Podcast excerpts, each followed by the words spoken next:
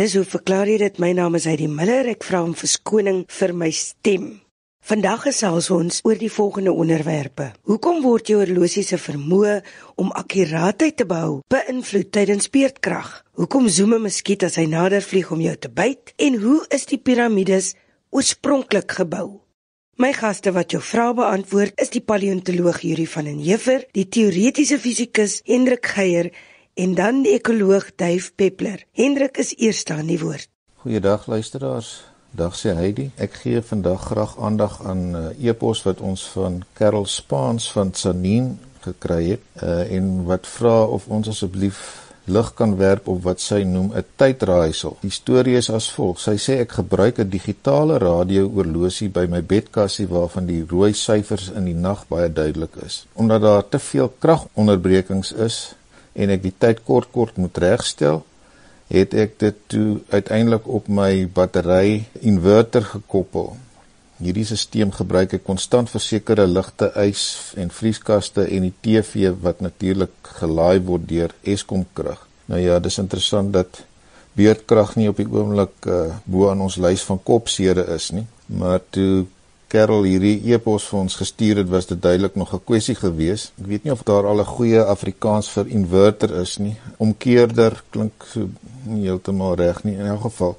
Uh, ek neem aan baie luisteraars weet waarvan ons praat. Dit is naamlik 'n stelsel wat in die eerste plek vanaf batterye wat gelaai word of herlaaibaar is, uiteindelik aangewend word op so 'n manier dat dit die bron is uh van die wisselstroom wat ons normaalweg direk uh van Eskom afkry. Kortliks iets oor die gebruik van wisselstroom alternatief tot gelykstroom. Daar's baie redes waarom die kommersiële kragverskaffers, elektrisiteitsverskaffers deesdae of lankal al uh van wisselstroom gebruik maak. Onder andere het dit te maak daarmee dat met behulp van transformators dit baie makliker is om die spanning van so 'n wisselstroom te beïnvloed en dit is waar die idee of die gebruik van sogenaamde hoogspanningsdrade vandaan kom. Daar is baie minder energieverliese as die elektrisiteit deur middel of by wyse van baie hoë spanning oor langer afstande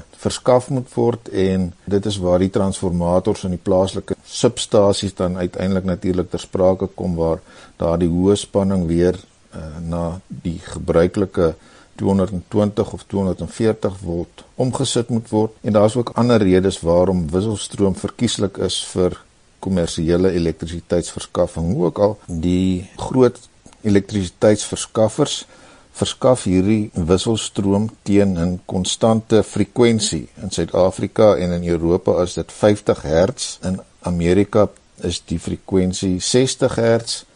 Uh, dit beteken dat die rigting waarin die stroom vloei, om dit nou maar kort te stel, uh, 50 keer per sekonde verander. Die manier waarop dit verander kan ook beïnvloed word. Mens praat van 'n sogenaamde sinusvormige verandering uh, en daar's ander forme daarvan, maar die belangrike aspek hier is dat daar 'n vaste frekwensie is. En die soort digitale radio-oorlosie by Karel se bedkassie is 'n instrument wat sy tydmeting direk van hierdie frekwensie af ontvang. So daar is 'n elektroniese stroombaan wat deel is van so 'n tipiese digitale radio-oorlosie uh, wat hierdie frekwensie omsit in 'n ander oscillasie wat dan uiteindelik die maatstaf is vir die gewone uh, tydsberekening of tydsvertoning. Nou Karel skryf dat sy uh, oor 'n periode van 'n klompie dae 'n eksperiment gedoen het en aanvanklik agtergekom het dat oor 3 dae uh, hierdie oorlosie omtrent 7 minute gewen het, na 8 dae omtrent 20, na 11 dae 24 en na 19 dae 39 minute. Nou sy sê nie of sy elke dag op presies dieselfde tyd uh, gemeet het uh, wat hierdie tydsverskil was ten opsigte van ander bronne van die regte tyd wat sy duidelik beskikbaar gehad het nie. Uh, maar min of meer praat ons hier van 'n variasie van omtrent tussen 2,1 en 2,5 minute per dag. Kom ons sê maar 2,2 minute per dag gemiddeld. Nou as 'n mens dit uitdruk as 'n persentasie, onthou daar 60 maal 24 minute per dag, 1440 So as 'n mens praat van 2,2 of 2,3 gedeel deur 1440, dan sien jy jy praat hier maar van 'n variasie van omtrent 0,16%. So dit wys vir 'n mens dat onder normale omstandighede wanneer jy nou nie bewus is daarvan dat jou radio-oorlosie tyd wen of verloor nie, uh, moet dit nogal 'n baie hoë vlak van stabiliteit handhaaf onder hierdie uh, persentasies wat ons pas genoem het. En uh, uh, elektrisiteitsverskaffer soos Eskom is eintlik onder verpligting om te sorg dat hierdie frekwensie stabiel bly. Nou hulle kan dit nie presies stabiel hou op 'n dag tot dag basis nie maar hulle kan aanpassings maak om te sorg dat sê maar tipies oor 'n periode van 'n week of 'n maand die aantal oscillasies presies korreleer met ander standaardbronne van tyd uh, wat deesdae insluit die tyd wat 'n mens sê maar tipies van die GPS-stelsel afkry. So hulle doen dit deur op 'n manier te meet tot watter mate daar dalk 'n klein verandering besig is om in te tree en dan kan hulle dit stelselmatig weer regstel. Dit word nie eensklaps gedoen nie. So tipies oor 'n periode van 'n week of 'n maand ten minste uh hou hierdie uh digitale oorlosies baie akkuraat tyd soos mense ook weet as jy eenvoudig na jou mikrogolf oond kyk of na ander uh, digitale oorlosies waar kom hierdie verskynsel nou vandaan wat Kerel waargeneem het dat haar oorlosie uh, tyd wen omtrent 2 bietjie meer as 2 minute per dag. Wel 'n mens moet vra hoe hoe stabiel is hierdie inverteerder? Kom ons noem dit nou maar by gebrek aan 'n ander uh, stuk terminologie, inverteerder en onthou die ding moet nou van 'n battery wat gelykstroom lewer, moet hy nou weer wisselstroom maak as dit ware en dit moet op so 'n manier gedoen word dat dit uh aanpas by die standaard 50 Hz frekwensie wisselstroom wat jy tipies van Eskom afkry. En ek kan my net voorstel, ek het 'n bietjie probeer kyk of mens enige inligting hieroor kan kry. Dis nie baie duidelik nie, maar ehm um, ek kan my voorstel dat die akkuraatheid wat hierdie uh, inverteerders uh inherent het ten opsigte van hulle lewering van wisselstroom uh, nie heeltemal so akkuraat is uh, soos wat 'n mens tipies by die hoofkragverskaffer soos soos Eskom kry nie en in elk geval uh, is dit nie iets wat van tyd tot tyd weer aangepas word soos wat ek nou nou net verduidelik het in die geval van Eskom wel gebeur nie. So Kerl, ek dink die eenvoudige antwoord is die inverteerder se se frekwensiestabiliteit uh, is nie heeltemal so akkuraat soos die van Eskom nie en om daardie rede sou dit definitief moontlik wees dat jou radiooorlosie uh, besig is om tyd te wen. Ek neem aan die mate waartoe die verskillende inverteerders wat daar op die mark is, um, hierdie stabiliteit kan handhaaf wissel sekerlik ook van maak tot maak.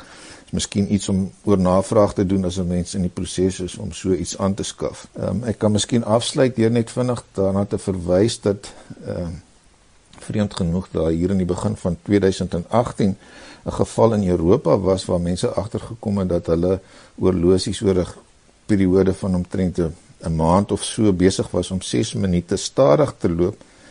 En uiteindelik het dit gebleik dat die onderliggende rede was 'n uh, 'n twist tussen Kosovo en uh, Servië uh, waar Kosovo nie in staat was om hulle aandeel aan die Europese netwerk aan elektrisiteitsvoorsiening te lewer nie. Uh, daar het effense onstabiliteit ingetree en die eindresultaat was dat uh, die frekwensie nie heeltemal so stabiel gebly het soos wat dit veronderstel was om te wees nie. So dit uh, daar was oor en weer beskuldigings oor wie nou vir wat verantwoordelik is. Lyk my dis uiteindelik besleg uh en daarna het die oorlosies in Europa wat op hierdie manier tyd hou weer akkuraat begin tyd hou. Baie kortliks kan ons daarna verwys dat daar natuurlik ook ander vorms van digitale oorlosies is die wat direk van 'n battery afwerk. Hulle is weer aangewese op oscillators, sogenaamde kristaloscillators. Oorlosies wat tyd wen of tyd verloor hang af van die kwaliteit van die kristaloscillator en uh, vir verbruikersgraad oscillatore waar hierdie goed op uh, massa skaal vervaardig word praat 'n mens tipies van 'n akkuraatheid van omtrent uh, 100 dele per miljoen Dit wil sê 'n akkuraatheid van omtrent 99.99%. Maar nie almal is so akkuraat nie en afhangende van die kwaliteit van die oscillator kan so 'n battery gedrewe uh oorlosie natuurlik ook of tyd wen of verloor. Uh by 'n later geleentheid kan ek dalk 'n klein bietjie meer vertel oor hoe so 'n oscillator funksioneer. Kortom is dit die sogenaamde omgekeerde piezo-elektriese effek wat onderliggend hieraan is. Dit wil sê 'n kristal of sommige kristalle het die eienskap dat as jy 'n spanning oor hulle aanlê, uh, het hulle 'n natuurlike vibrasiefrekwensie uh en daar is dan 'n elektroniese stroombaan aan hierdie kristal gekoppel wat daai natuurlike oscillasiefrekwensie vertaal of omsit in die tipiese 1 tik per sekond wat nodig is om 'n oorlosie uh aan die gang te hou. Maar dis vir 'n later geleentheid. Karel, dankie weer vir 'n baie interessante waarneming wat jy gemaak het. Dit lyk vir my die kort antwoord op jou vraag is dat die inverteerders uh nie altyd presies by die 50 hertz frekwensie kan hou nie en op dié manier dan uh, jou oorlosie se vermoë om akkuraatheid te hou beïnvloed. Dave Peppler en Yuri van den Heever kry nou elkeen 'n beurt om jou vrae te beantwoord. 'n Vraag van 'n anonieme luisteraar wat eenvoudig vra: "Hoekom zoom 'n muskiet as hy kom om jou te byt?" Nou ja, eintlik is hierdie vraag bestem vir Henk Geertsma of ehm um, Hendrik Geier, maar kom ek uh, probeer dit beantwoord. Klank is 'n vibrasie wat voortplant as 'n akoestiese golf in 'n gas, vloeistof of in 'n vaste stof. Die uh, 'n jong mens moet ek daarby sê, kan gewoonlik hoor in die orde as mens dink aan hierdie golwe van 20 Hz, met ander woorde baie lae golwe tot 20000 Hz wat bekend staan as kilohertz. Met ander woorde van 20 hertz na 20 kilohertz. Onder hierdie 20 hertz 20 golwe per sekonde staan dit bekend as infraklank en bo 20000 as ultraklank. Nou ja nou moet ons eers kyk na die spoed van klank gou. Kom ons kyk nou wat gebeur by 20 grade celsius. In lug by seevlak, as jy spoed van klank in die orde van 340 meter per sekonde. By dieselfde temperatuur 20 grade in water is dit 1480 of 82 meter per sekonde. En dink daaraan in staal byvoorbeeld is dit 5960 meter per sekonde ek onthou as kind hoe ons vir ure uh, met ons oor op 'n treinspoor gelê het om te kamstig te luister wanneer die trein sou kom en jy kon maklik 'n halfuur voor die tyd die trein van Woester hoor uh, al het jy met jou oor in Robertson gelê.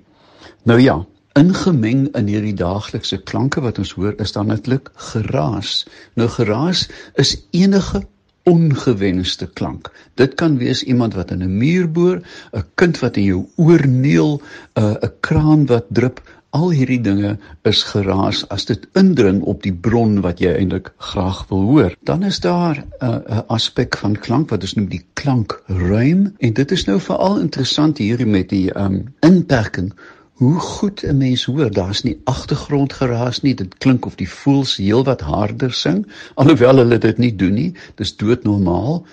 En ons vind ook dat ehm um, baie diere meer aangetrokke is tot stil gebiede en dit is heel moontlik hoekom ons soveel diere sien verskyn, eh, bokke in die stad en primate wat oral nou skielik te voorskyn kom. As ons kyk na die die mees sensitiewe deel van die spektrum vir die mens, is dit in die orde van 2000 tot 5000 Hz, 2000 tot 5000 siklusse per sekonde.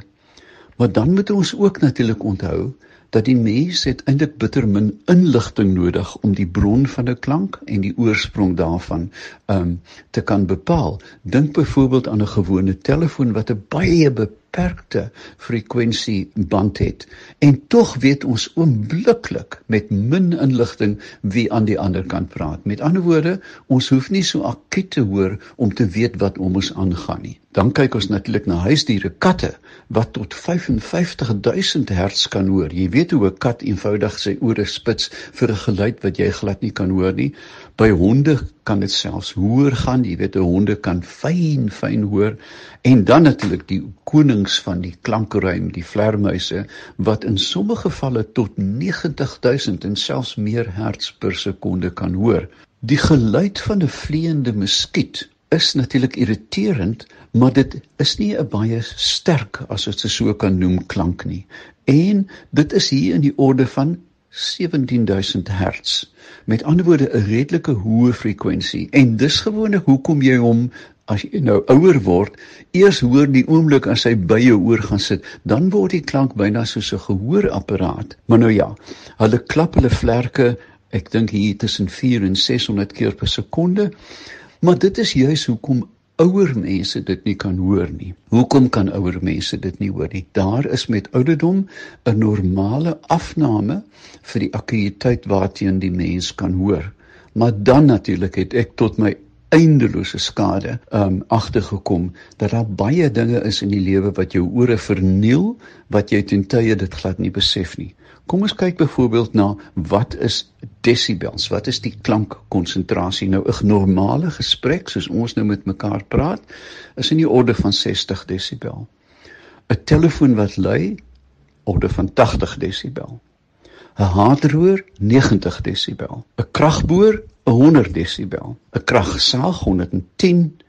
'n Ambulans sirene 120 Nou ja, 'n straler wat opstyg, dit weet ons al te goed, is 'n verskriklike geluid. Dit trek hier by 140 desibel en dan hier moet ek nou bieg. 'n Haalgeweer. Ag hemel, die dae toe ek gejag het met my hond Padda en 'n 12 boor haalgeweer. Elke skoot wat jy aftrek is 165 desibel.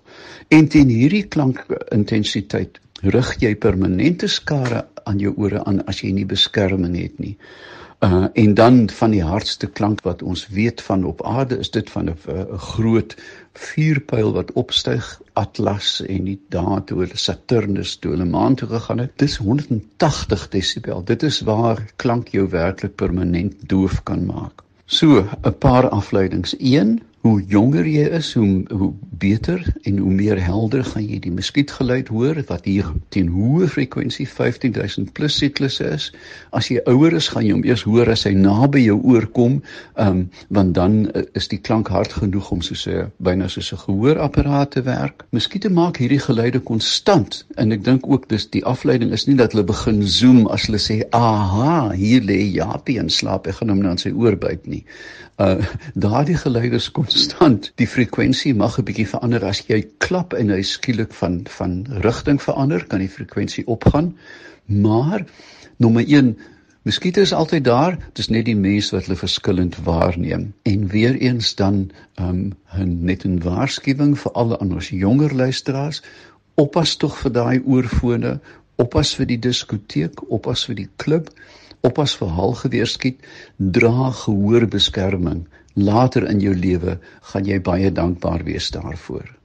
Goeiemôre Heidi, kollegas en luisteraars. Judge van die Heerden het laat weet dat hy verskil van die heersende idees oor hoe die piramides oorspronklik gebou is. In steede daarvan dat die rotsblokke moeisaam deur 'n groot aantal werkers teen skuins opritte uitgesleep is voordat dit in posisie geplaas is, stel hy voor dat hulle bloot rotsagtige koppies uitgehol het om in te woon en dit dan later met dekoratiewe rotspanele versier het.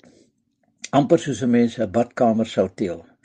As voorbeeld noem hy dan die bekende stad Petra wat eers baie later, ongeveer 300 jaar voor Christus in die suide van Jordanië uit rots gekap is. Petra was vir ongeveer 250 jaar lank 'n handelspos. Eerstens Judge. Alles wat ons weet van die piramides dui daarop dat hierdie bousels nie stede of ekonomiese sentra was wat deur gewone mense bewoon is nie, maar dat dit die finale rusplekke van Egiptiese konings of farao's was. Baie navorsing is al gedoen oor hoe die Egiptenare daarin kon slaag om groot rotsblokke bloot met handearbeid kon rondbeweeg. Fisici by die Universiteit van Amsterdam het nou met eksperimentele inligting vorendag gekom. Hulle het die kragte ondersoek wat betrokke is wanneer swaar rotsblokke op 'n primitiewe slee oor sand gesleep word en gevind dat droë sand voor die slee opdam en die proses baie bemoeilik. As daar egter water op die sand uitgegooi word, verloop alles glad weg. Die hoeveelheid water en die soort sand is ook van belang. Die sand moet net nie te nat of te droog wees nie. Volgens die navorsers wissel die eienskappe van verskillende soorte sand, maar moet die gemiddelde hoeveelheid water tussen 2 en 5% van die volume van die sand wees. Hulle reken ook dat die Egiptenare in vergelyking met droë sand net die helfte soveel werkers vir die slee nodig gehad het met die nat sand. Wat hulle op die spoor gesit het, is 'n muurskildery van ongeveer 1900 jaar voor Christus in die graftombe van Jehuti-Hotep, 'n goewerneur van een van die Egiptiese provinsies. Hierin sleep 172 mense 'n reuse standbeeld van ongeveer 86 ton met toue wat aan 'n houtslee vasgemaak is. Voorop die slee staan 'n persoon wat vloeistof op die sand uitstrooi. Dit is waarskynlik water, maar professor Saki Cornelius, 'n Egiptoloog van die Universiteit van Stellenbosch, noem dat ook olie hiervoor gebruik is. Argeoloë het aanvanklik gereken dat die persoon voorop die slee 'n simboliese ritueel uitvoer, maar nou blyk dit dat dit gewoon 'n praktiese oplossing vir 'n fisiese probleem was. Die rotsblokke waarvan die piramides gebou is, is ook aan die binnekant van die strukture te sien, wat daarop dui dat dit nie heuwels was wat van binne af uitgehol is nie.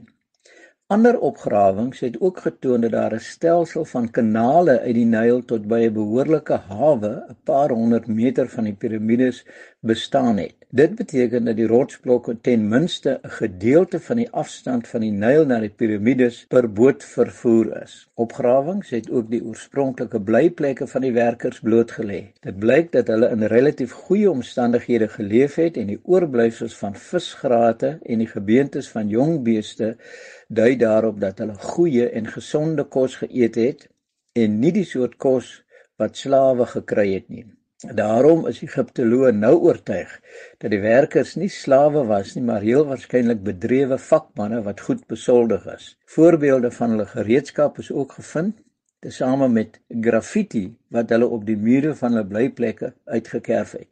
'n Mens kan jou voorstel dat as jy 'n dag lank in die son as trekdier gebruik is en die voorman jou iets snedigs toegesnou het, jy hom met 'n gepaste stukkie graffiti in jou blyplek ten aanskoue van die ander werkers kan bykom. Dit is ook so dat die piramides 'n lang ontwikkelingsgeskiedenis het. Die oudstes bestaan uit klipblokke wat 'n aantal horisontale vlakke vorm wat trapsgewys al kleiner word na die bo-punt die sogenaamde trappiramides. Weer geen aanduiding van klipheuwels wat uitgehol is nie. Alle bouprojekte is ook nie voltooi nie.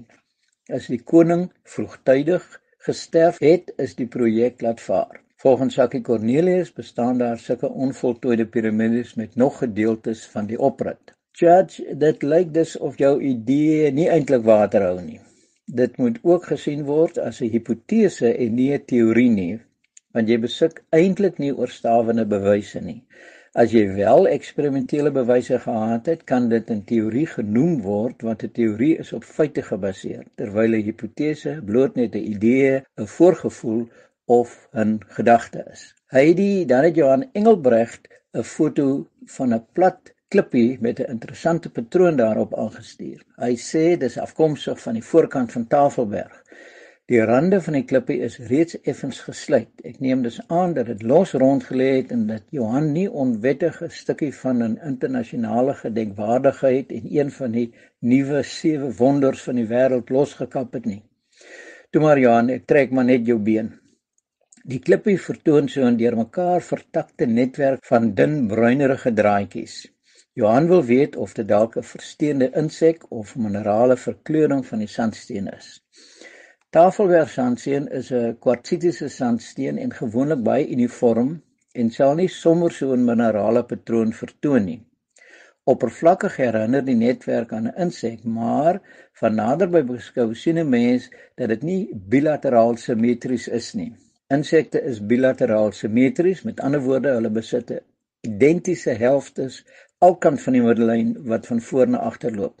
Verder is die tafelbergsteen ook ouer as die voorkoms van die eerste insekte. 'n Ander moontlikheid sou wees dat dit dendriete is. Dendriete vorm wanneer mangaan in oplossing in fyn krakies van veral leiklip sypel. Die water verdamp dan en die mangaan slaan neer as sulke swart uitlopertjies wat dikwels vir varingblaartjies aangesien word. Johan, die netwerk op jou klippie is bruin en lyk ook glad nie soos dendriete nie. Die deurmekaar netwerkstreepies herinner my egter aan die fyn wortelstelsels van 'n klein plantjie. En aangesien dit op die platkant van die klippie voorkom en omdat jy dit los opgetel het, laat my dink dat daar 'n krakie ontwikkel het waarin die wortels van een of ander plantjie ingegroei het. Die afbeelding op die klippie is dus moontlik gevorm deur die chemiese reste van so 'n plantjie se wortelstelsel. Dankie vir baie interessante vraag.